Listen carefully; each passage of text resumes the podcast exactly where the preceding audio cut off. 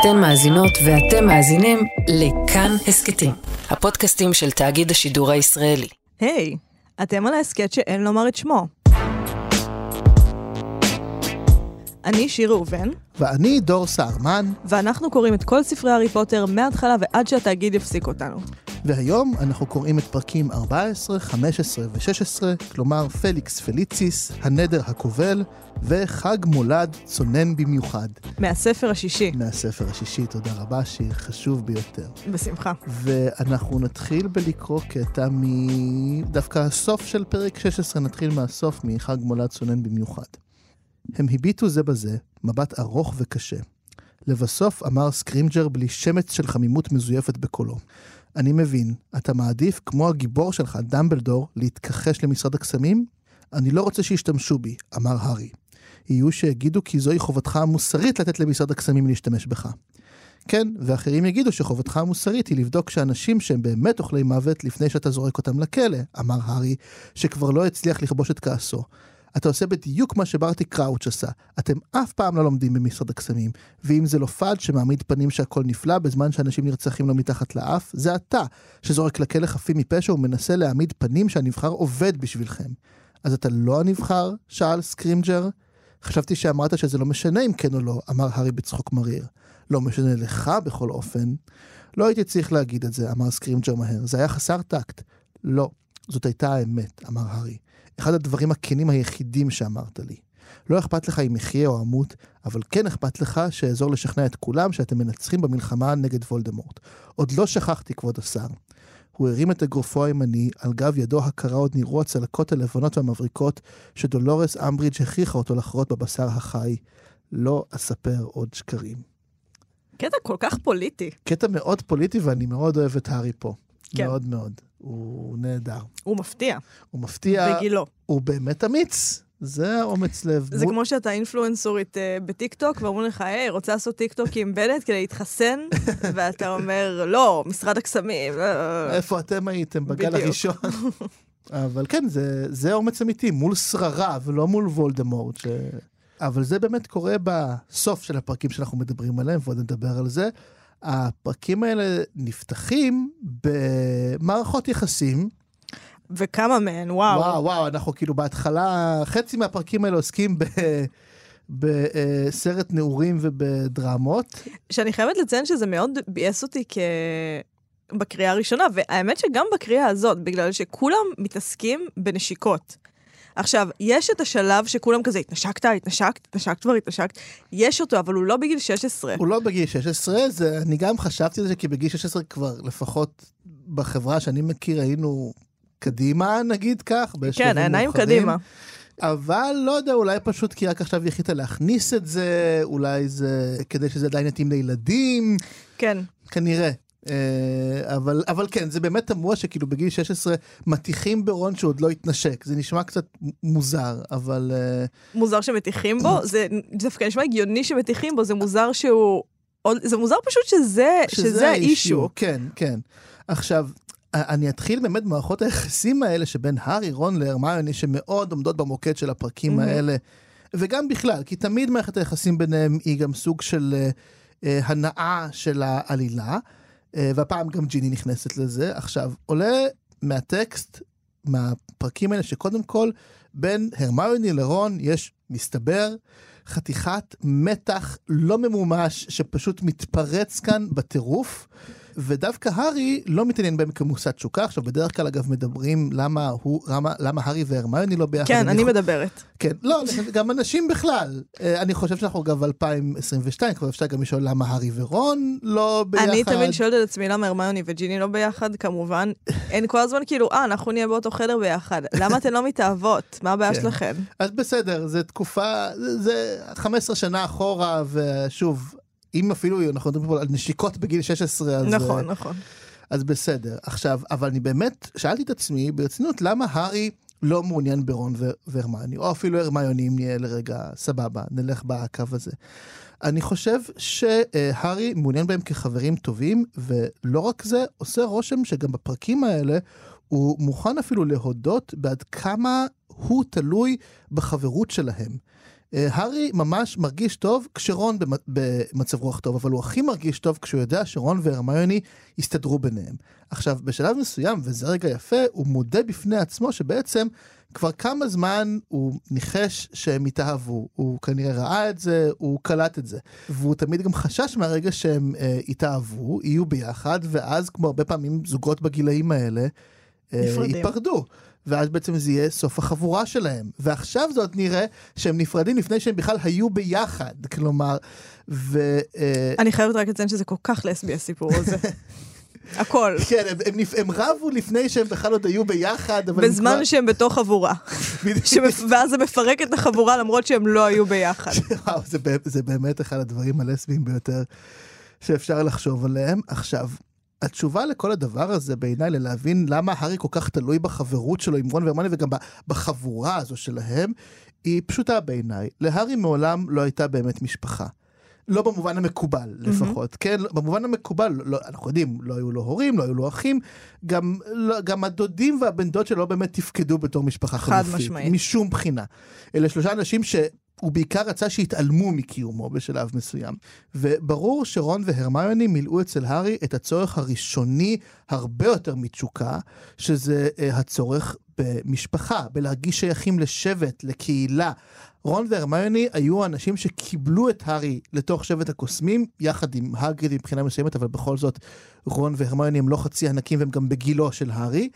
אה, הארי חייב תמיד שהם יסתדרו, כי הם השער שקיבל אותו לתוך עולם הקסמים. במובן מסוים, כל השייכות של הארי לתוך העולם הזה עוברת תמיד דרך התיווך הזה של החבורה שלו עם רון והרמיוני. זה היסודות שעליהם נבנית השייכות העמוקה שלו והאהבה שלו גם להוגוורטס, שהוא מבחינת הארי הבית שלו. זה לא המצב עבור רון והרמיוני.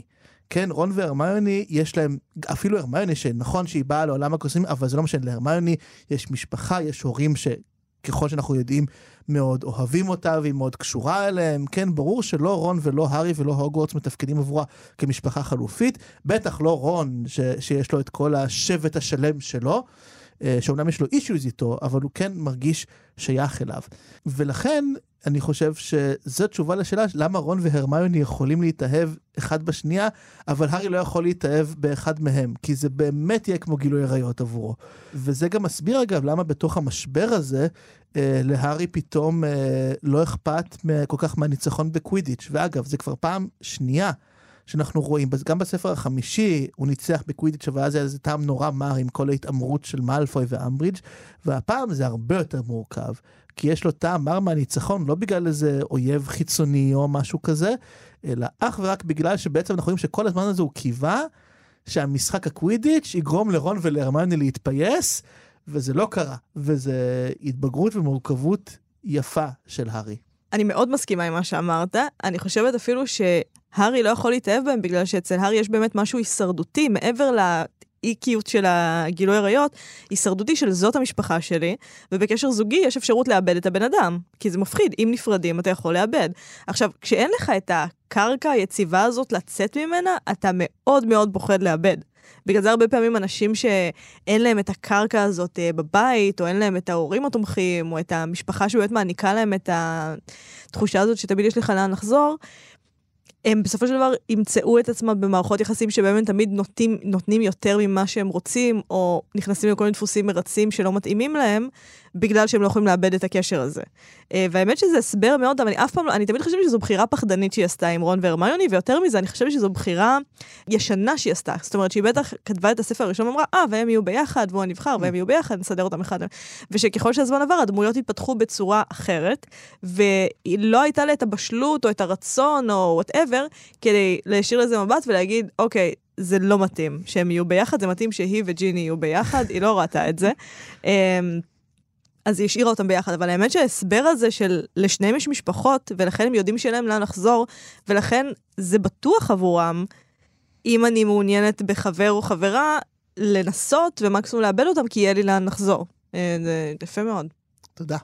הפרקים האלה מאוד רגשיים. עכשיו שוב, אנחנו נפרגן לרולין ככותבת כאן, כי זה תיאור מאוד מאוד מדויק של החיים. בגלל שבסופו של דבר, בסיטואציה שאנחנו נמצאים בה בהארי פוטר, העולם סוער. וולדמורט הוא כבר לא רעיון שאסור לומר, או אפילו בספר החמישי, שרוב האנשים לא מאמינים שהוא חזר, הוא חזר. כולם יודעים את זה, זה בנביא היומי, משרד הקסמים מטפל בזה, מחלק כל מיני פליירים לאיך להתמודד עם אוכלי מוות או כישופים אפלים. ועדיין, זה תיאור מאוד מדויק של החיים, בגלל שבסוף כשאתה מאוהב, או כשאתה באיזושהי סערה רגשית, העולם יכול למות, ואתה תזכור רק את הסערה הרגשית, זה מה שיעסיק אותך. עכשיו, הדוגמה האהובה עליי היא כמובן יומנה של אנה פרנק. עכשיו, ההתייחסות ליומן באופן כללי היא כניצחון החיים בתקופת השואה, ולרוב זה מתנקז לציטוט המאוד יפה על זה שלמרות הכל, למרות השואה, היא מאמינה שאנשים בשורש ליבם הם טובים. ציטוט, אה, אני אה, פרפרזה, כן? אבל זה מה שהיא אמרה בגדול. עכשיו, זה ציטוט מהמם, והילדה הזאת, אני... אני אובססיבית אליה, אני, אני חושבת על אנה פרנק כמה פעמים ביום. אני באמת לא אסח לנאצים אף פעם, אף ספציפית על אנה פרנק. לא הגיע לה. ממש. כאילו, לא הגיע לאף לאף אחד, אבל, אבל על, רק עליה אני כאילו מעמיד בשאלה האם ראוי שיהיו לנו יחסים דיפלומטיים עם גרמניה. רק יואו, סביב אתה זה. כל כך צודק, אתה כל כך צודק. אתה כל כך צודק. ארבעה סימני קריאה. אה, איך הגענו לאנה פרנק? אה, אוקיי, ניצחון החיים. אני חושבת שהוא, שהספר הזה הוא ניצחון החיים, היומן הזה הוא ניצחון החיים, לא רק בגלל שהיא האמינה בטוב ליבם של אנשים למרות שהייתה fucking בשואה. אני חושבת שזה ניצחון החיים בגלל שחלקים גדולים מהיומן שלה מתעסקים בסופו של דבר בלהיות ילדה טינאייג'רית חרמנית, ובלכתוב על זה שהיא אולי מאוהבת ואולי לא מאוהבת בפטר, ועל זה שהיה לה חבר הולנדי שגם לא קראו פטר, ועל זה שפעם היא רצתה להתנשק עם חברה, וזה הכל קורה בשואה. בזה את מתעסקת בשואה? כן אחי, זה ניצחון החיים, לכתוב על החבר שלי והאם אני רוצה אותו או לא בשואה. צר לי. אה, ואני חושבת שרולינג מתארת את זה מאוד יפה, היא באמת לוכדת את הסנטימנט הזה. אני חושבת שגם אה, בקורונה הייתה כתבה מאוד יפה בהארץ, אה, שלקחו יומנים של טינג'רים בבידוד, ואמרו להם לכתוב על הקורונה, וכולם כתבו על זה שהיא אמרה לא, שהיא אוהבת אותו, ואיזה פדיחות. בסופו של דבר, לא משנה כמה העולם סוער סביבך, אם אתה מאוהב, או אם יש בך רגשות בוערים, כמו שהם נוטים לבעור בגיל הזה, זה מה שיעסיק אותך. אה, ורולינג מתארת את זה ממש יפה, קודם כל במינון, כי אנחנו ממש רואים שיש דרמה משוגעת, לופין ואנשי זאב, סנייפ ומלפוי, שר הקסמים, אבל רוב הפרקים האלה בסוף מוקדשים להאם רון יתנשק או לא. זה מדהים. זה מדהים. ומדויק. ומדויק ויפה. עכשיו, אפרופו רון, באמת, רון הוא דמות שמאוד לכדה את תשומת הלב שלי בפרקים האלה. אפשר לקרוא לספר הזה הארי פוטר והנסיך חצוי הדם, או רון ויזלי הוא החושם הגדול ביותר בעולם. חד משמעית. ובכל זאת, הוא מקבל פה זווית מעניינת, ומאוד מעניין לראות איך רולינג כותבת את רון. כי מבחינות מסוימות מתוך השלישייה, רון הוא בכל זאת, למרות הכל, הדמות הריאליסטית ביותר. מול הארי הגיבור ומול הרמיוני המבריקה, רון הוא הדמות עם הכי הרבה פגמים, הוא אנושי יותר, ולכן הוא גם קצת יותר מציאותי. עכשיו, מהפרקים האלה אנחנו לומדים שרון עדיין לא שכח להרמיוני שהלכה עם ויקטור, אה, עם ויקטור קרום לנשף, ואז כשהוא גם מגלה, ואנחנו גם מגלים שהם התנשקו, אז זה אוכל אותו ומציף אותו ממש. עכשיו, שלא לומר, בעיניי, בספר הרביעי, הוא לא היה מסוגל להרגיש את הרגשות האלה, ואז בספר השישי, מתי שפתאום יש אופציה, הוא חווה מאובן רגשי, ואומר, אה, בעצם זה ממש עצבן אותי והעליב אותי. עכשיו אני חס והתעצבן במקום לפני שנתיים. עכשיו, כשאני קר... אני קראתי פה שהרמיוני וויקטור התנשקו, גם כשקראתי את זה בזמן אמת, ואני זוכר שחשתי, הייתי מאוד שווה נפש כלפי זה, אמרתי כזה, אוקיי, אז מה הם התנשקו? כן, אני קראתי אגב את הספר הזה גם כשהייתי בן אה, 17, כלומר ממש מקביל לזה, כן. אמרתי, בסדר, אז מה הם התנשקו? כאילו, למי אכפת? אני בעולמות אחרים כבר. קריצה קריצה. אה, וגם עכשיו שקראתי את זה ניסיתי להבין למה רון כל כך בהלם. עכשיו הוא בהלם כמובן את אמרת את זה יפה הוא בעצם כבר לפחות שנתיים אה, דלוק על הרמיוני במידה כזו או אחרת ויכול להיות שאפילו הנשף לפני שנתיים היה הטריגר הראשוני עבורו להבנה הזו שהוא עדיין לא באמת הבין. כלומר, זה הצית בו משהו שהוא עדיין לא באמת הבין. עכשיו, במובן הזה זה מאוד מאוד ריאליסטי שכשאתה בן נוער, אתה יכול להתבשל חודשים עם החרא הזה. אתה יכול להיות דלוק על מישהי שנה ואפילו שנתיים ולא לעשות עם זה כלום. כי אין לך מושג מה האופציות ו- ומה בכלל צריך לעשות ואין שום מדריך נורמלי לדבר הזה ואתה פשוט מין אוכל את עצמך בסרטים אינסופיים. ואתה בחבורה. זה לא נכון, ללכת לבן נכון. אדם שאתה מחבב, אתה יודע, כמבוגר, ולשלוח לו הודעה ולנסות להיפגש, אתה בחבורה. נכון. כולם ידעו הכל תוך חמש דקות. הסכנה היא מאוד מאוד אה, מוחשית. נכון? עכשיו, ובהקשר הזה, זה שמטיחים ברון, שהוא, ג'יני מטיחה ברון שהוא עוד לא התנשק, שוב, אמרנו קצת מוזר שמתעסקים בנישוקים, אבל אפשר גם קטע כואב לקריאה, אגב. מאוד כואב, איך אחותו הקטנה יואו, מוכיחה זו אותו. השפלה. זה, זה באמת קשה, שאגב, היא מוכיחה אותו יפה, כי הוא מין מנסה, כן. כן. בואו נהיה בוטים. רון וגם האחים שלו מנסים לרמוז לג'יני, ואני אגיד את זה באופן לא מעודן, הם מנסים להגיד לה את המזרן של גריפינדור. זה מה שהם אומרים לה? אני די בטוח שזה הביקורת, כי הם כאילו עוקצים אותה על זה, אבל זה קטע יפה, שג'יני גם מחזירה להם, אומרת, זה לא עניינכם, כאילו, כלומר, יש פה סימון מאוד ברור בזה שהגברים מנסים למשטר את האישה. אה, והאישה פה עונה להם בחזרה. שזה יפה מאוד, כלומר שמותר לה באמת לעשות מה שהיא רוצה, וברון היא מתיחה את זה גם במיוחד, ואומרת לו כאילו זה שאתה לא התנשקת עם אף אחת, בטח לא נותן לך אף זכות לנסות להטיף פה איזשהו אה, ענייני מוסר. עכשיו, מה שכמובן מאוד ברור לי כאן זה שרון יודע כמובן שהוא חסר ניסיון, זה אוכל לו לחלוטין את האגו, זה גם לא מקרי אגב שהאגו השביר שלו קשור בחוסר היכולת שלו לתפקד נורמלי בתור שומר בקווידיץ', יש פה דימוי ברור מאוד של גבר שמפספס כל מיני עניינים ולא מסוגל לתפקד בכל מיני היבטים, ואז מוציא את התסכול שלו על כולם, וככה למעשה רון במסלול המהיר לכיוון גבריות מאוד מאוד רעילה. שהארי דווקא עוזר קצת להוציא אותו מזה ומאפס אותו. אה, ואז הוא כבר מוצא את לבנדר בראון וקורה מה שקורה. עכשיו, זה קטעים שבאמת קשים לקריאה, כי דווקא כי יש פה משהו מאוד ריאליסטי מבחינת, מבחינתי לאיך אה, בנים מתבגרים, והציפיות גם, אגב, מבנים בחברה שלנו, ואיזה ציפיות יש להם מעצמם, ולמה מחנכים אותם, ואיך אתה יכול מאוד ליפול מזה ולהישבר מהדבר הזה. ובדרך כלל אומרים, איזה מזל להארי שיש לו חברים טובים, אבל איזה מזל אדיר יש לרון שיש לו חבר טוב כמו הארי פוטר. הארי חבר מדהים. חבר גם לרון מדהים וגם להרמיוני. ש- שממש עוזר פה להוציא את רון, שאפו. אין מה להגיד. לגמרי. אגב, חשבתי על מה שאמרת בקשר לג'יני, אני לא חושבת שמה שקורה זה שאומרים לה את המזרן של גריפינדור, בגלל שהיו לה כמה, שני חברים? שלושה בסדר, זה כי חברים? גברים, פש- פשוט ברגע שאת מתנשקת עם שני אנשים, אז כבר החברה מתייגת אותך, ואומרת, אה, היא הולכת עם כולם. אני כאילו, חושבת שזה זה תיוג של באמת- החברה. יכול להיות. אני חשבתי שזה יותר בקטע לא של צודקים. בעלות. כאילו, אה, אני מסכים איתך, ברור, הם חשים עליה בעלות, והם גם מנסים למשטר אותה מינית. איזה סוטים. דבר קטן שאני רוצה להוסיף על מה שאמרת על רון, זה מדהים כי רון, קודם כל, הוא באמת, הוא מתנהג נוראי, הוא מתנהג נוראי להרמיוני. כי למי אכפת מה קרה לפני שנתיים? וכאילו, עדיין, מה שעניין אותי זה שכן מצליחה, מובלעת פה מיזוגניה קטנה של רולינג, דווקא דרך הארי. כי הארי חושב, וואו, איזה דברים בנות יעשו כדי להתאכזר לבנים או משהו כזה, והוא לא חושב בשום שלב, וואו, איזה מגעילים בנים לבנות. הוא תכלס מדויק יותר, איזה מגעיל אנשים מתנהגים כשהם רוצים מישהו ולא יודעים איך לומר לו את זה, ואז הרצון מבעבע והופך אותך למריר ואתה מוציא אותו על הבן אדם שאתה רוצה כי גם זו אינטראקציה. עכשיו, לצערי יש לי נקודה על רון והרמיוני. כפי שאמרתי, אני לא אוהבת את סיפור האהבה הזה, הוא לא אמין לי. אני לא מבינה, אבל בסדר, הוא נכתב אז אנחנו נתייחס, כי זה ההסכת. עכשיו, כשקראתי את הפרקים האלה, היה לי מאוד מאוד ברור שרון רוצה את הרמיוני והרמיוני רוצה את רון. עכשיו, נשאלת השאלה, למה הם לא ביחד? כאילו, יאללה, אתם רוצים, תשחררו אותנו מהדרמה הזאת ולכו על זה. אתם בעניין, אתם אוהבים, יאללה, מה עכשיו אתה עם מישהי אחרת ואת עם מישהו אחר? זה לא זה. ואני חושבת שגם פה רולינג מיטיבה לתאר רגע מאוד מאוד אנושי. בגלל שהם אוהבים, רון מרגיש מאוד פגיע מול הרמיוני, והרמיוני מרגישה מאוד פגיעה מול רון. כלומר, תחשוב על זה, הם חברים שש שנים, ופתאום הם מבינים, שניהם במקביל, ככה זה נראה, שהם רוצים להיות יותר מזה, וזה פשוט מעורר אימה. עכשיו, למה זה יפה שרולינג עשתה את זה, ודווקא בספר הזה? כי להיות בקשר זה תמיד מעורר אימה. זה תמיד מפחיד, כי זה לרצות מישהו באופן מאוד נואש, זה להזדקק למישהו באופן מאוד נואש. זה להרגיש שלמישהו יש המון כוח עליך.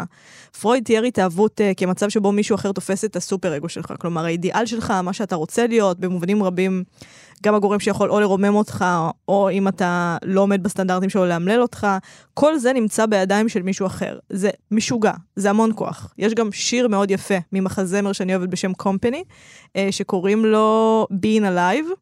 זה שיר שאני מאוד מאוד אוהבת, אני ממליצה מאוד אה, לשמוע, והוא על זה. הוא על הפחד, על הפחד הזה, על הפחד הזה מלהיות בקשר, על כמה זה מפחיד להיות בקשר. עכשיו, זה המון המון כוח, ולכן זה לא מפתיע ששני הילדים האלה לא ממהרים לעשות העברת בעלות על עצמם בהערת אגב, נגיד, כאילו שזאת בחירה שלהם בכלל לעשות את זה, אבל הם לא ממהרים להתמסר לזה. יש הרבה ציטוטים בקטע הזה. אבל uh, פעם אני יצאתי עם מישהי שממש בתחילת הקשר שלנו אמרה לי, את מבינה מה אנחנו עושות? את מחזיקה סכין על הצוואר שלי, ואני מחזיקה סכין על הצוואר שלך, ואנחנו צריכות לסמוך אחת על השנייה שלא נחתוך. איזו ראייה. הקשר לא החזיק. אבל היא תיארה באופן מאוד מדויק את הפחד, לא היא לא תיארה קשר באופן מדויק, אבל היא כן תיארה באופן מאוד מדויק את הפחד שיש לנו מקשר. כי אהבה זה דבר מאוד מאוד פולשני, היא פולשת עליך והיא עושה בתוכך פשוט בלאגן. עכשיו, רון והרמיוני, לשניהם כבר יש את הכוח הזה אחד על השנייה. הרמיוני משסה בו את הציפורים, הוא גורם לה לבכות בשירותים, ברמות שלונה חושבת שהיא מירטל המייללת, הכל טוב. אבל יש משהו בלהגיד משהו, שזה הופך את זה לאמיתי יותר. וזה הופך את זה לאמיתי יותר כי אתה קודם כל נחשף עם הפגיעות שלך, עם כל הרצון שלך, עם כל הכיעור והיופי שלך. עכשיו, ככל שאתה עושה את זה יותר, נגיד, אני ואתה מכירים תכלס מה שאנחנו טינג'רים, ואנחנו גם באותו נכון. גיל, אה, ובגילנו 33, יש בזה אפילו משהו כיפי כבר, בלתת את הכוח הזה למישהו. אני אומרת את זה למרות שאתה נשוי ממש הרבה זמן. אה, אבל מבחינתי, יש בזה משהו כיפי, יש בזה משהו מרגש, בלהעניק את הכוח הזה, מישהו יגיד, כן. אבל בפעם הראשונה שאתה עושה את זה, אלוהים ישמור, זו פשוט אימה. זאת פשוט אימה, ולכן הם מתנהגים ככה. עכשיו, למה זה יפה שרולינג שמה את זה בספר הזה? כי בוא, הם בני 16. בגיל 16, נגיד את זה בעדינות, אתה פחות מתעסק בהאם התנשקת או לא. זה יותר גיל 14. ואני מדברת על ישראל, שהיא גם שמרנית ביחס לאנגליה, ששם, אם אני לא טועה, יש את אחוז הטינג'ריות שנכנסות כן. להיריון הכי גבוה בעולם המערבי, נכון? כן, רון כבר אמור להיות סבא בשלב הזה. ממש כמו חתול. אה, וזאת בסטנדרטים שלנו שהם לפני 20 שנה, כן? אז שוב, למה רולינג דוחפת לנו את כל הדרמת נעורים הזאת ואת הפחד מקשר הזה לכאן?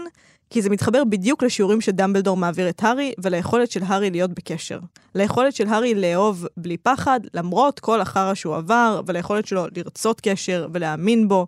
ובעצם היכולת שאין לוולדמורט, וזה באמת הכוח שעומד לזכות הארי. רולינג פשוט בוחרת עוד חזית להראות לנו בה עד כמה קשר זה דבר קשה. עד כמה אהבה זה דבר קשה ולא מובן מאליו, ועד כמה כל מי שבוחרים, או לא בוחרים, להתערבב איתו יכולים לסבול. עכשיו, אתה יכול להיות מושפל, אתה יכול להיות מותקף על ידי ציפורים, אתה יכול לעשות מעשים נוראים כדי שמישהו אחר יקנא, זה מה שהדבר הזה עושה. אני אפילו אצטט שוב בנקודה הזאת, יש נאום מהמם אה, על זה בסוף העונה השנייה בפליבג, שזאת סדרה שאני מאוד מאוד מאוד מאוד ממליצה עליה, והנאום הולך ככה, אני מצאתי את זה במיוחד. אני מצטטת ומתרגמת. אהבה זה נורא. היא כואבת, היא מפחידה, היא גורמת לך לפקפק בעצמך, לשפוט את עצמך, להתרחק מאנשים בחיים שלך, היא עושה אותך אנוכי, היא עושה אותך קריפי, עושה אותך אובססיבי לשיער שלך, עושה אותך אכזרי, גורמת לך להגיד ולעשות דברים שבחיים לא חשבת שתעשה. זה כל מה שכולנו רוצים, ואז זה גיהנום כשאנחנו מגיעים לשם. אז לא פלא שזה משהו שאנחנו לא רוצים לעשות לבד. עכשיו, זה טקסט פשוט מהמם, ובגלל זה צריך אומץ כדי לעשות את זה, צריך אומץ כדי להיות בקשר, צריך אומץ כדי להיות פגיע. כל כך קל לחשוב שאומץ זה להיות אטום. זה מה שאני חשבתי כשהייתי בגיל שלהם, ונראה שזה גם מה שהם חושבים. אבל כדי להיות אמיץ, אתה קודם כל צריך שתהיה סכנה, שיהיה פחד, ואז אתה צריך להתגבר עליו. וזה מה שהדמויות בהארי פוטר עושות. הארי עושה את זה מול דמבלדור, ורון והרמיוני עושים את זה אחד מול השנייה, שזה די מדהים. יפה מאוד. תמיד, אגב, כשהייתי עושה פעילויות לילדים בבית התפוצות, לילדים קטנים ודנו במושג הגיבור, אמרתי, מה עושה הגיבור? הגיבור מתגבר, וזה נשמע בסיסי, אבל זה מה שאני מזכיר לעצמי תמיד. זה ממש יפה, האמת. זה ממש יפה. זה מה שמגדיר גבורה, הגיבור מתגבר. לעברית יש פשוט רגעים מקסימים. תודה לאל על השורשים. כן. עכשיו, את דיברת פה באמת על, על uh, קשרים וכולי, ו- ועל מה הארי מתגבר ומה רון והרמייני, אבל יש פה חלק נוסף בכל המשוואה הזו, שעולה בפרקים האלה. ופה אני, ובזאת אני גם נראה לי מסיים את הדיון על כל מערכות היחסים הרומנטיות של החבורה הזו uh, כרגע, וזה הארי מול ג'יני. יש אם פה... יש רגע קטן בספר הזה אי פעם, קטן זעיר, שטיפה טיפה חרמן, זה הארי מול ג'יני. כן? את חשת... לא חשתי חרמנות, אבל אמרתי, או, זה רגע שאני מכירה. מעניין, כי אני לא. די. אני, אני, ואני גם, שוב, אני זוכר שקראתי את זה אז, ו- ואני קורא את זה היום, אבל אני אסביר. כי התיאור הזה של רולינג, שלהארי יש מפלצת בבטן, כזה חשבתי בהתחלה, מה זה, אתה דמות בצל של אמת? כאילו, מה זה התיאור ה... יאודור, יש לי חלקים ביומן, לא כטינג'רית. לא, לא, לא, אני אסביר, רגע, אני אסביר. אוקיי. זה, בסדר. עכשיו, זה, זה תיאורים מעניינים. עכשיו, הארי חש קנאה. מעניין לתאר קנאה דווקא כמ- כמפלצת. אני חושב שיש כאן, והיום אני קצת יותר מבין את זה, אולי כן ניסיון של רולינג לתאר את התחושה הזרה והמוזרה הזו שהארי מרגיש בפני עצמו. אה, הוא חש קנאה יוקדת, וזו לא תחושה נעימה, ואני חושב שמונח המפלצת בא לתאר איזושהי הזרה שהארי חווה כאן. כן, הוא מרגיש איזשהו רגע שהוא מרגיש שהוא כאילו לא, הוא לא ידע שהוא חלק ממנו.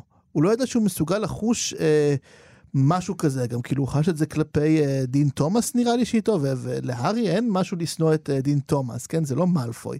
אז זו תחושה, הם לא עשו לו שום דבר רע, ועם זאת הוא מרגיש כלפיהם איזשהו משהו מוזר כזה. וזו תחושה מוזרה, ואני חושב שאולי הניסיון לתאר את זה כמפלצת זה הניסיון של רולינג לתאר את ההזרה הזו. עכשיו, יש פה משהו נוסף שנובע כאמור מהסיבה שהארי בעצמו מציין שג'יני עבורו היא כמו סוג של אחות, ויש ביניהם אחווה, והם קצת גדלו ביחד. עכשיו, דיברתי מקודם על זה שהארי לא מסוגל להתאהב לא בהרמיוני, לא ברון, כי הם באמת אחים שלו לכל דבר ועניין. זה יהיה לו פשוט מוזר מדי. ג'יני היא משהו קצת אחר, אני לא חושב שזה עניין שהיא כמו אחות, אני חושב שזה יותר קשור בדברים שלו בעבר, שזה תסביך הגיבור שיש אולי להארי. הארי מציל אנשים, mm-hmm. הוא ממש טוב בזה, וזה ממש חלק שטבוע בו עמוק. עכשיו, ובמידה רבה, הוא מתחיל את קריירת ההצלה שלו דווקא בספר השני, עם נכון. ההצלה של ג'יני. זה האדם הראשון שאפשר להגיד שהוא ממש מציל באופן ברור. נכון, גם הוא ורון הצילו יותר מעניינים מהטרול, אבל אני חושב שבהצלה של ג'יני... הוא היה לבד. גם. הוא היה לבד, וגם זה ביסס יחסים מסוימים ביניהם. אנחנו רואים את זה ככה במהלך הספר השלישי גם עוד קצת וזה, כלומר שבעיני ג'יני הארי נתפס כגיבור והיא קצת דלוקה עליו בקטע ילדותי, והארי גם יודע את זה, הוא מאוד מאוד מודע לזה בספרים ההם שג'יני ככה קצת מסתכלת עליו והוא קצת רואה אותה באמת במין אה, יחסים מסוימים שאפשר להגדיר אותה מבחינתו של הארי כאפילו סוג של יחסי כוח מסוימים, כלומר mm-hmm. לעד הוא יהיה הגבר, הגיבור שהציל אותה מתום רידל הרשע. והארי מאוד מודע לזה. עכשיו, ואז פתאום, בספר השישי, הארי מתחיל להרגיש משהו אחר. הוא מרגיש שהוא רוצה את ג'יני. עכשיו, זה שונה מלהידלק על צ'ו צ'אנג, כן? כי ג'יני זה אדם שהוא מכיר, או לפחות חושב שהוא מכיר, וזה תמיד רעיון קצת מורכב להידלק על הידידות שלך. אבל פה זה כאמור להידלק על מישהי שהיית המציל שלה, שהיית הגיבור שלה, שעד כה ראית אותה בעיניים של, זה אפילו מעבר לאחות קטנה, היא הייתה אפילו סוג של קורבן מאיזושהי בחינה, מבחינת הארי. אבל מה שקרה זה שג'יני גדלה, והיא גדלה היטב, והיא מתמודדת ומתפתחת, והיא אישיות נהדרת, ואז הוא חש כלפיה משיכה מינית. שזה דבר בנקודה הזו מאוד מאוד מתעתע. כי אם אתה רואה אותה בתור קורבן, או לעד בתור מישהי שהצלת, ואז אתה פתאום גם חש על איזושהי משיכה מינית, אז אתה מקבל מין תחושה של ניצול יחסי מרות. כאילו. אסור לך לגעת בה. זה תופעה אגב של אה, זוגות אחרי שהאישה יולדת, אז קוראים לזה תסמונת המדונה או הזונה או משהו כזה, שלגברים קשה, כלומר אחרי שאומרים את הנשים שהן הופכות לאימהות והן כל כך חומלות וזה, אז כאילו פתאום לשכב איתן מרגיש כמו משהו, כמו מעשה מאוד מלוכלך, מאוד לא יפה, וזה גם כי החדירו לנו דברים מאוד כן. מאוד רעים על מיניות לראש, וזה חבל, מה אני אגיד. Uh, ואני חושב שזה מה שהארי חווה, כלומר, uh, הוא מרגיש כלפי ג'יני שהיא כל כך עדיין סוג של איזה אה, קורבן שהוא קצת מתקשה לראות את, ה, את המורכבות שבה, והיא כבר גם לא רק קורבן, יש בה עוד רבדים, והיא גדלה והיא גם מתמודדת עם מה שהיא עברה. אבל הארי דווקא עדיין לא איבד לחלוטין את כל החוויה הזו שקרתה אה, בספר השני. ואני חושב שאולי בגלל זה גם כל התחושה הזו מרגישה לו מפלצתית, כאילו היא לא ראויה מהבחינה הזו. זהו. זה מאוד מאוד מעניין. וזה גם באמת מעניין שג'יני אה, איבדה אותה, כי יש משהו בלהיות... אה, הרי גם הארי וגם ג'יני, ואני חושבת שזה המקור למשיכה שלו לג'יני, הם שניהם עברו את אותה טראומה. כלומר, שניהם היו שם בחדר הסודות. תחשוב על זה שנייה. דמיין באמת שיש פה בתאגיד מרתף, שיש בו נחש ענק, ושולט בו, אני לא יודעת מה, היטלר, כאילו, הרוח של היטלר. היטלר הנער. כן, היטלר הנער, והוא כזה משסה בך את הנחש, ואתה כזה בן 12, ואתה עם ילדה בת 11, שזה הדבר הכי מפחיד בעולם. כן, זה נורא, זה ממש נורא. זה נוראי, אבל כשאתה קורבן אה, באופן מוחלט, כמו ג'יני, אני חושבת שבאיזשהו אופן הסיפור הוא יותר אה, קל לעיכול, בגלל שדווקא הארי, שידו הייתה על העליונה, והוא הרג את הבסילסק, והוא הציל את ג'יני, והוא השמיד את היומן, כאילו באמת, full house של גבורה.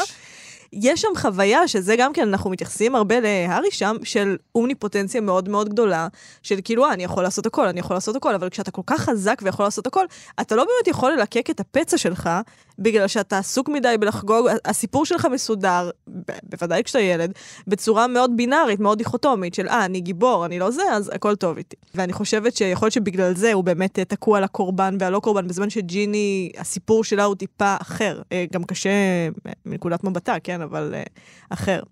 עכשיו, אני רוצה לעבור לשיחת הארי ולופין במחילה. קודם כל, בקריאה ראשונה של הספר הזה, אני זוכרת שממש התרגשתי כל פעם שהארי ולופין דיברו, כי חשבתי, אה, וואו, סוף סוף הקשר הזה, הקשר הכל כך משמעותי הזה, סוף סוף הוא חוזר. ובכל פעם, כמובן, רולינג התקמצנה עלינו, פשוט קמצנות ללא גבולות בשיחות שלהם. עכשיו, מאזיני הסכת יודעים למה היא עושה את זה, כי היא לא יודעת להכיל דמויות אב מיטיבות, זה פשוט לא מעניין אותה. וזה בסדר, זה לא, זה לא בנושאים שבא לכתוב עליהם, הכל טוב. בשיחה שלהם, הארי מנסה להבין מי זה הנסיך חצוי הדם מול לופין, ולופין מבטיח לו שזה לא ג'יימס. עכשיו, על הדרך, הארי גם מספר לו על השיחה שהוא שמע, של סנייפ ומלפוי, ושם לופין מתעקש לראות את המורכבות בדמות של סנייפ. מורכבות שהארי מפספס. עכשיו, כאן מעניין לשאול, למה? וזה כי סנייפ בעצמו לא רואה את המורכבות בהארי אף פעם. הוא תמיד שפט אותו בצורה החמורה ביותר, כבן של אבא שלו ולא כבן של אמא שלו, למרות שאנחנו כבר יודעים שהוא הרבה יותר דומה לה, לא חיצונית, אבל באופי. אה, וכתמונת מראה של היחסים האלה, הארי לא מסוגל לראות את הצד הזה בסנייפ. וזה יפה כי הרגע שהארי היה עד לו, שיחת סנייפ מאלפוי היא הפעם שאנחנו נחשפים למורכבות הזאת של סנייפ. כי סנייפ עושה למאלפוי שיחה מאוד דואגת, מאוד רכה, ומאוד אוהבת אפילו בסטנדרטים שלו. אז אנחנו לומדים בשיחה הזאת שמסתבר שסנייפ זימן את מאלפוי למשרד שלו כמה פעמים. אלה יחסים שאנחנו מכירים מהצד של הארי. מורים מזמנים אותו לחדר שלהם לשיעורים פרטיים, לופין, דמבלדור, לאיזושהי חניכה. עכשיו, אתה קורא לספר הזה הרבה פעמים סלית'רין הספר, ובצדק, כי הנה אנחנו בעצם נחשפים לדינמיקת חניכה מהצד השני, מהצד הסלית'ריני שלה. סנייפ עושה למאלפוי שיחה שהיא הרבה יותר משיחת מורה-תלמיד, שיחה שאפילו אף אחד מהמנטורים של הארי בהוגוורטס לא עשה לו, כאילו, הם לימדו אותו, אבל תמיד היה איזשהו distance. אה, חוץ מאולי מודי, אבל אנחנו יודעים מי הוא היה. הם ילמדו, אבל הם לא יעשו בשבילו. וסנייפ ממש מדבר למאלפוי כאילו הוא קרוב משפחה שלו, כאילו הוא הבן שלו, הוא גם מראה שהוא קרוב למשפחה כשהוא אומר דודה בלטריקס, לימדה אותך הלטת הכרה. אני קשור למשפחה, דודה בלטריקס. אבל, וזה אפרופו חוסר המסוגלות להיות בקשר, אנחנו גם רואים פה את ההבדל הגדול בין דרקו מאלפוי להארי. הארי תמיד שמח לקבל עזרה. הוא באמת האמין בעומק הלב שלו שהוא לא לבד. זו הגדולה שלו, קרה לו כל החרא, והוא בעומק הלב שלו מאמין בקשר, מאמין שהוא לא לבד, וזו אמונה שאין לדרקו. ובגלל שהוא לא מסוגל לתפוס את זה שסנייפ באמת רוצה לעזור לו, הוא לא מסוגל לקבל את העזרה הזאת. עכשיו, כמובן, אנחנו יודעים באיזה בית הוא גדל, ואין מה לעשות. כמו שאי אפשר להיות מה שלא ראית, אי אפשר גם להיות בקשר שלא חווית. ובגלל זה הולכים לטיפול. אני אגיד רק בתגובה למה שאמרת, שמה שכן מעניין, אגב, שמאלפוי מצליח לעשות והארי לא, זה באמת uh, הלטת הכרה. נכון. שזה רגע מעניין מאוד, ובאמת, כמו שאמרת, נכון, כן, אתם גם אומרים לו, אה, דודה בלה לימדה אותך, עכשיו זה מעניין. לא היינו חושבים שדווקא מאלפוי יהיה טוב יותר בלרוקן את הראש שלו ממחשבות ורגשות, כי מאלפוי הוא אדם די אימפולסיבי, בגדול. ממש איד מהלך. אבל אנחנו לומדים כאן לדעתי משהו מעניין מאוד על הלטת הכרה. קודם כל, שמאלפוי למד את זה ממישהו שהוא העריך, כן? מדודה שלו. אפשר להגיד כנראה הרבה דברים נוראים ומחרידים על דודה שלו, אבל כנראה שהיא אהבה את מאלפוי, ומאלפוי אוהב ומעריך אותה, וזה אפשר לנהל uh, מערך לימודי uh, הגיוני, הרבה Mm. יותר בריא מאשר זה שהיה בוודאי בין הארי לסנייפ. כן. אה, שהם פשוט ניסו לכייס זיכרונות אחד מהשני. ויש כאן גם מחשבה מעניינת, האם יש קשר אינהרנטי בין ביאורי הכרה ולטות הכרה לבין אה, עולם האופל? כלומר, האם מלכתחילה בכל נושא הזה של לסגור את הראש, לפרוץ לראשים של אחרים, יש פה משהו קצת אפל. כן, אתה לא אמור שאתה לעשות אומר, כאילו, את זה. אדם כמו הארי שכל כך מסויג מעולם האופל, כנראה אמור לא להרגיש בנוח בכלל עם כל השיטה הזו. מה שאגב מעלה את השאלה, כי uh, בספר החמישי או השישי, דמבלדור מציין שהוא בעצמו מבאר הכרה מוכשר לא פחות מסנייפ. בספר הזה. בס... ומה שמעניין את השאלה, האם יש לדמבלדור בעצמו חיבורים לדברים אפלים, וזה כבר עניינים לספר השביעי. נכון. אבל הנקודה שאני רציתי להעלות דווקא בעקבות השיחה של uh, uh, הארי עם לופין, זה הסיפור של לופין על אנשי הזאב. שזה נקודה מאוד מאוד מאוד מעניינת בעיניי. כי הוא... אני חייבת לומר כן. שקראתי את זה ואמרתי, אין לי שום דבר להגיד על זה, וחשבתי, דור יעוף על הנקודה הזאת. אין לי נכון. ספק בכלל שלדור יהיה המון מה להגיד עליה. לכן טוב, כי אנחנו משלימים אחד את נכון. השנייה נראה לי. זה מה שעובד. זה נכון. הנקודה הזו בעיניי באמת מרתקת, כי אה, שוב אגב, כמו עם אה, המשפחה של וולדמורט, שלמדנו להכיר בפרקים הקודמים, שוב עם אנשי הזאב, רולינג מראה לנו את המשחק המעניין עם אוכלוסיות שוליים. גם המשפחה של וולדמורט היא משפחה כאמור, אני מדבר מהצד של אימא שלו, כן? היא משפחת קוסמים שנדחקה לשוליים ובוחרת תמיד לפנות לצד האפל, לצד של הטוהר דם. עכשיו, זה מעניין כי וולדמורט לכאורה עם האובססיה שלו לדם טהור, לכאורה הוא אמור לגנות משהו כמו אנשי זאב, נכון? זה כאילו משהו מאוד היברידי כזה, לא פה ולא שם. למה שמישהו כמו וולדמורט שאובססיבי כל כך לטוהר דם, ייקח דווקא יציע שותפות לאנשי הזאב? עכשיו, אני חושב שהוא מאמץ אותם כי הוא מזהה בהם את אותה שוליות שדחקה גם את המשפחה שלו שמהולה עם הרבה מאוד אלימות.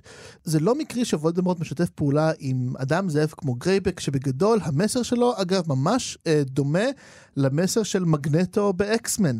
זה המסר שאומר, בני האדם מדירים אותנו מהחברה, אז אנחנו רק נגמול להם חזרה בזה שנראה להם שכל הדברים הנוראים שהם חושבים עלינו הם בעצם ממש ממש נכונים. אה, ואנחנו פשוט נוביל אותם למותם. כאילו בני אדם פוחדים מאיתנו, אני אתן להם סיבה מאוד טובה לפחד ממני, ואני אהיה כבר משולח כל רסן ואעשה מה שאני רוצה. עכשיו, זה כמובן מאוד עצוב.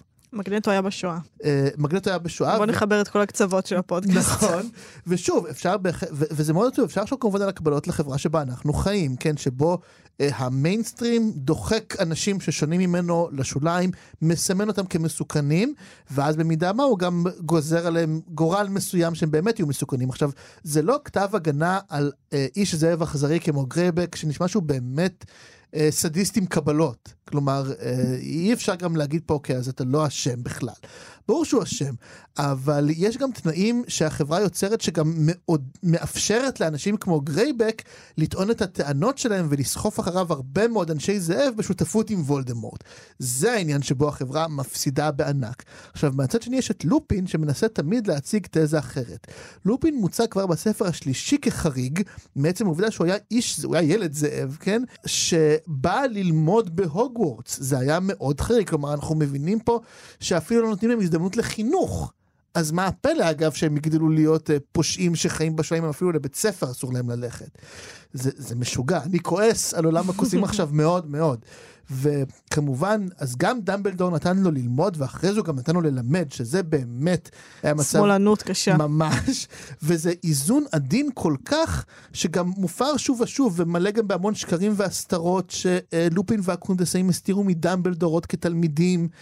כי שוב, זה כל, ה, כל השכלה של החברה היה על ה, אה, הלופין בתור ילד מסכן, וגם אחרי זה בתור מבוגר בשולי החברה. עכשיו, התזה שלופין ניסה לעשות של לחיות עם להסתיר את זה, גם היא לא יכולה באמת לעבוד בסופו של דבר. רולינג הראתה לנו שזה לא יכול לעבוד. זה, זה יצא בסוף וצריך להתמודד עם זה.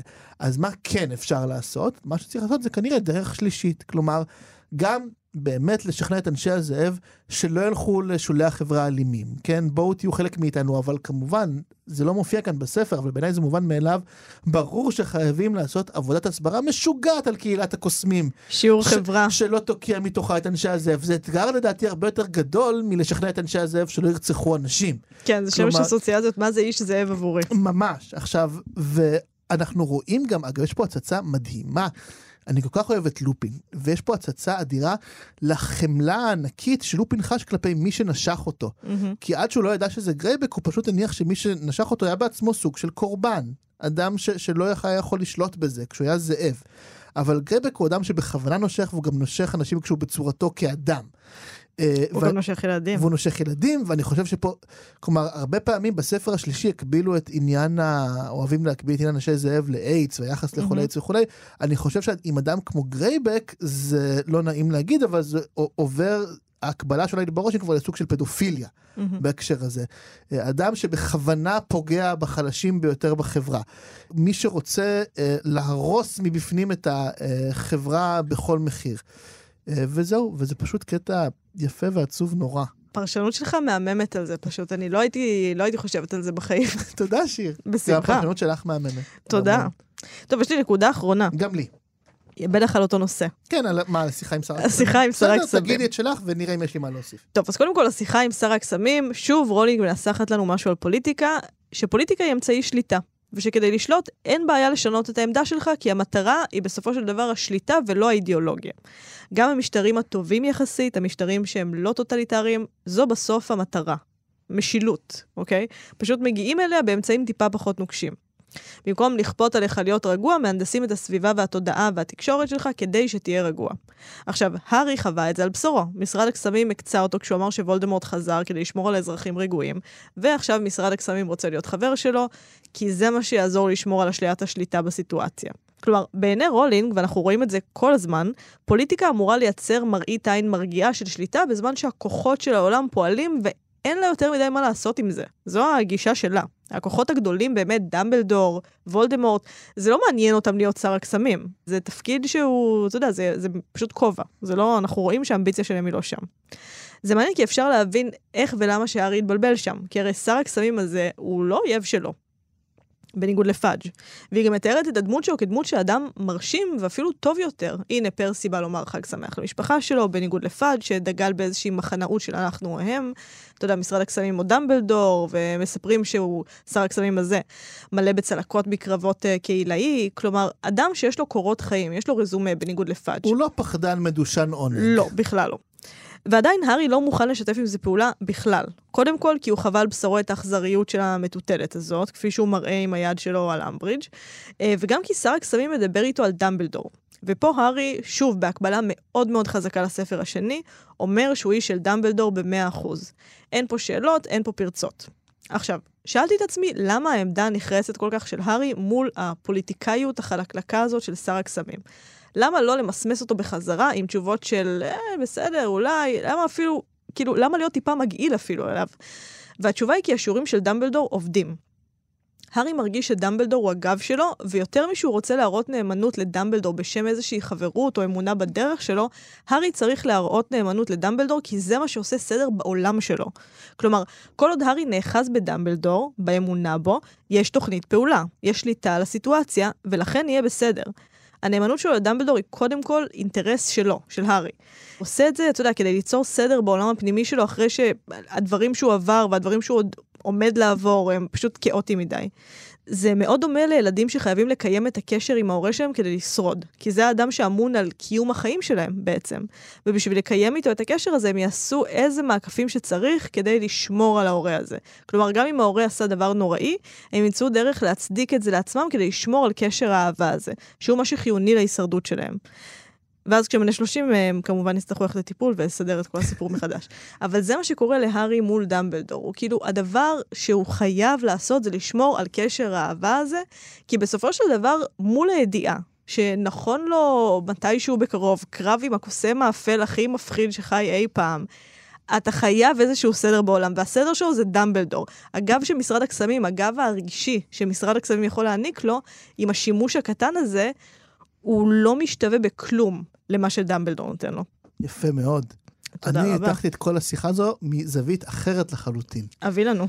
אז ככה, זה על באמת הארי כסמל. השיחה הזו היא מרתקת, ואני ראיתי בה ניסיון של רולינג אה, לשבור את הקיר הרביעי, מה שנקרא. Mm, אה, ניסיון שבו בעצם היא קצת מדברת אלינו. כי שוב, הספר הזה יוצא בתקופה שבה כבר ברור שהארי פוטר, אין שאלה, זאת כן. תופעה גלובלית משוגעת, כן, רק שתבינו, הספר השישי יוצא, לפחות בעברית, בערך בתקופה שכבר יוצא הסרט הרביעי, כלומר, אנחנו עמוק בתוך טירוף שתבין, יש פה פודקאסט פוטר. בעברית, שפה שמדברים שמונה מיליון אנשים. שקוראים את כל הספרים מההתחלה, ואנחנו מקבלים על זה כסף. אני חושב שאפשר להגיד שזו תופעה. עכשיו, אז בתוך כל התקופה הזו שרולינג חווה כבר את הארי פוטר כתופעה גלובלית משוגעת עם מרצ'נדייז באמת לא נורמלי, מתרחש הדיאלוג שבו שר הקסמים מדבר פתאום על הארי בתור סמל. והוא שואל את הארי האם הוא המיועד, הוא לא המיועד, והוא מדבר, כן, לזה שבימים אפורים של קרבות ודמים, הארי הוא סמל התקווה הגדולה. עכשיו, אכן, בעולם שלנו, שבו אני ואת חיים, הארי פוטר הוא באמת איזשהו, היה, הוא כבר היה סוג של סמל. נכון. ואז השאלה, סמל למה? לאומץ לב? סמל לתקווה? סמל לכישרון הכתיבה של רולינג? סמל למסחור אה, יוצא מגדר הרגיל? שאלה. אני חושב שזו שאלה שאפילו רולינג אולי שאלה את עצמה. והיא רוצה לתת לנו פה את התשובה שלה מבחינתה, שעבורה באמת, אפילו שזה נאמר דרך שר הקסמים, אבל עבור, היא, היא שואפת שהארי יהיה באמת סמל לתקווה, וזו השאיפה שלה שיהיה המסר מכל סדרת הספרים הזו. שהארי פוטר יהיה הסמל הברור לתקווה. עכשיו מצד שני, הצד השני של המטבע זה כמובן הצד של הארי בשיחה הזו, שבעצמו מאוד מאוד חשדן כלפי משרד הקסמים והדמות שמנסים לבנות אותו. עכשיו, הסיבה שהוא חשדן זה באמת כי אנחנו רואים שהמערכת לא באמת אה, תיקנה את עצמה. אמברידג' עוד שם. הם משתמשים בשיטות של ברטי קראוץ', שכבר למדנו על בשרנו עד כמה הן הרסניות, עד כדי כך שהן הבילו, הובילו לעלייתו מחדש של וולדמורט. כלומר, המנגנון הזה עדיין רקוב, אבל המנגנון של משרד הקסמים עדיין שואף לחסידים שילכו אחריו באופן עיוור. אבל אנחנו יודעים מהספרים שהיחידים שהולכים באופן עיוור הם, או, הם באמת רק החסידים של וולדמורט. ואפילו גם להם יש קצת פקפוקים, כן, אבל לפחות זו השאיפה של וולדמורט, שילכו אחריו באופן עיוור. כי אנשי, מסדר עוף החול, ובמיוחד הארי, למרות הכל, דיברת מקודם על ה... אה, באמת, הארי גם אומר, אני איש של דמבלדור, אבל אנחנו יודעים שלמרות הכל, הארי כן מרשה לעצמו לפקפק בשיפוט של דמבלדור בנוגע לסנייפ. וזה לא משנה אם הארי צודק או טועה. העובדה שהוא מרגיש בנוח אה, לפקפק בדמבלדור, להעלות את זה מול אנשים, בפרקים הבאים הוא גם מדבר על זה עם דמבלדור בעצמו, סיטואציה כזו לא יכולה להתרחש בין אוכלי מוות לוולדמורט משום בחינה שהיא. כלומר, אני חושב שרולינג רוצה גם להסביר לנו שעד כמה שהארי הוא סמל של תקווה, הוא גם באמת איזשהו סמל ל... אל תלכו באופן עיוור אחרי אף סמל מצד שני. אל תלכו אחרי מי שמבטיח לכם שלמות ושתמיד רק יהיה טוב והגיבורים שלהם נטולי פגמים. כי אין דבר כזה, כי אם אתה באמת טוב, ואת דיברת על זה אגב בעבר, שאין דבר כזה טוב מוחלט ורע מוחלט, כי מי mm-hmm. שבאמת טוב, מכיר בזה שיש בו גם פגמים, ויש בו גם צדדים רעים, וזה הצד לגמרי של מסדר עוף החול, ושל הארי ודמבלדור, אפילו סנייפ שאגב נמצא שם כמין סמל למה, למשהו לא ברור, ואני חושב שזה באמת מסר יפה שרוצה לסיים איתו, כי... אה, אני רואה את זה גם בדיונים שעולים בקבוצה של ההסכת שלנו וכולי. הרבה פעמים יש אנשים, מעט אנשים, אבל יש אנשים שמנסים אה, לשכנע שהצד הפוליטי שלהם הוא צודק על ידי זה שהצד שלהם הוא אנשי הארי פוטר ומסדר עוף החול, ואילו הצד הפוליטי השני הם אה, אוכלי המוות או משהו כזה. ו- וזה קורה ימין ושמאל כל הזמן, כלומר אין פה מישהו שאחראי יותר. ואני כמובן חושב שזה מגוחך לחלוטין. כן? אם תנסה להצמיד לעצמך באמת, לחשוב שאתה תמיד הטוב והצד השני הוא תמיד הרע, אתה אינהרנטית תהפוך להיות הרע mm-hmm. בסיפור הזה. וזה המסר, לדעתי, שרולינג רוצה להעביר לנו כאן. אל תלך אחרי איזה מערכת או צד שמנסה למכור לך משהו אחד, הופ, כן, תקווה אחת. לא, יש פקפוק. אם אתה באמת טוב, יש פקפוקים, יש ביקורות, יש ביקורת עצמית, כן? יש אה, איזה אנטי-ממסדיות קטנה ואינהרנטית בכל הסיפור הזה. טוב. פרק עשיר. פרק עשיר ביותר. עשיר וארוך. בשבוע הבא אנחנו נקרא את פרקים 17, 18 ו-19, זיכרון סלאג תוקף, הפתעות יום הולדת ומעקב גמדי. כיף. כיף יהיה לנו. גדול. אפשר להזין לנו באתר כאן ובכל אפליקציות ההסכתים. אפשר גם לדרג אותנו בספוטיפיי, חדש, ובאפל פודקאסט, נכון? ככה קוראים לזה? ובהכל. אפל מיוזיק. אני אימא שלי. אפשר לדרג אותנו בהכל. פשוט תדרגו. דרגו אותנו. אה, אפשר גם להצטרף לקבוצת הפייסבוק שלנו, הקבוצה שאין לומר את שמה, בהנהלת דור. תודה רבה דור. תודה רבה שיר. ואני רוצה לומר תודה רבה לניר גורלי שהפיק אותנו ולדניאל מאואר שערכה אותנו. תודה.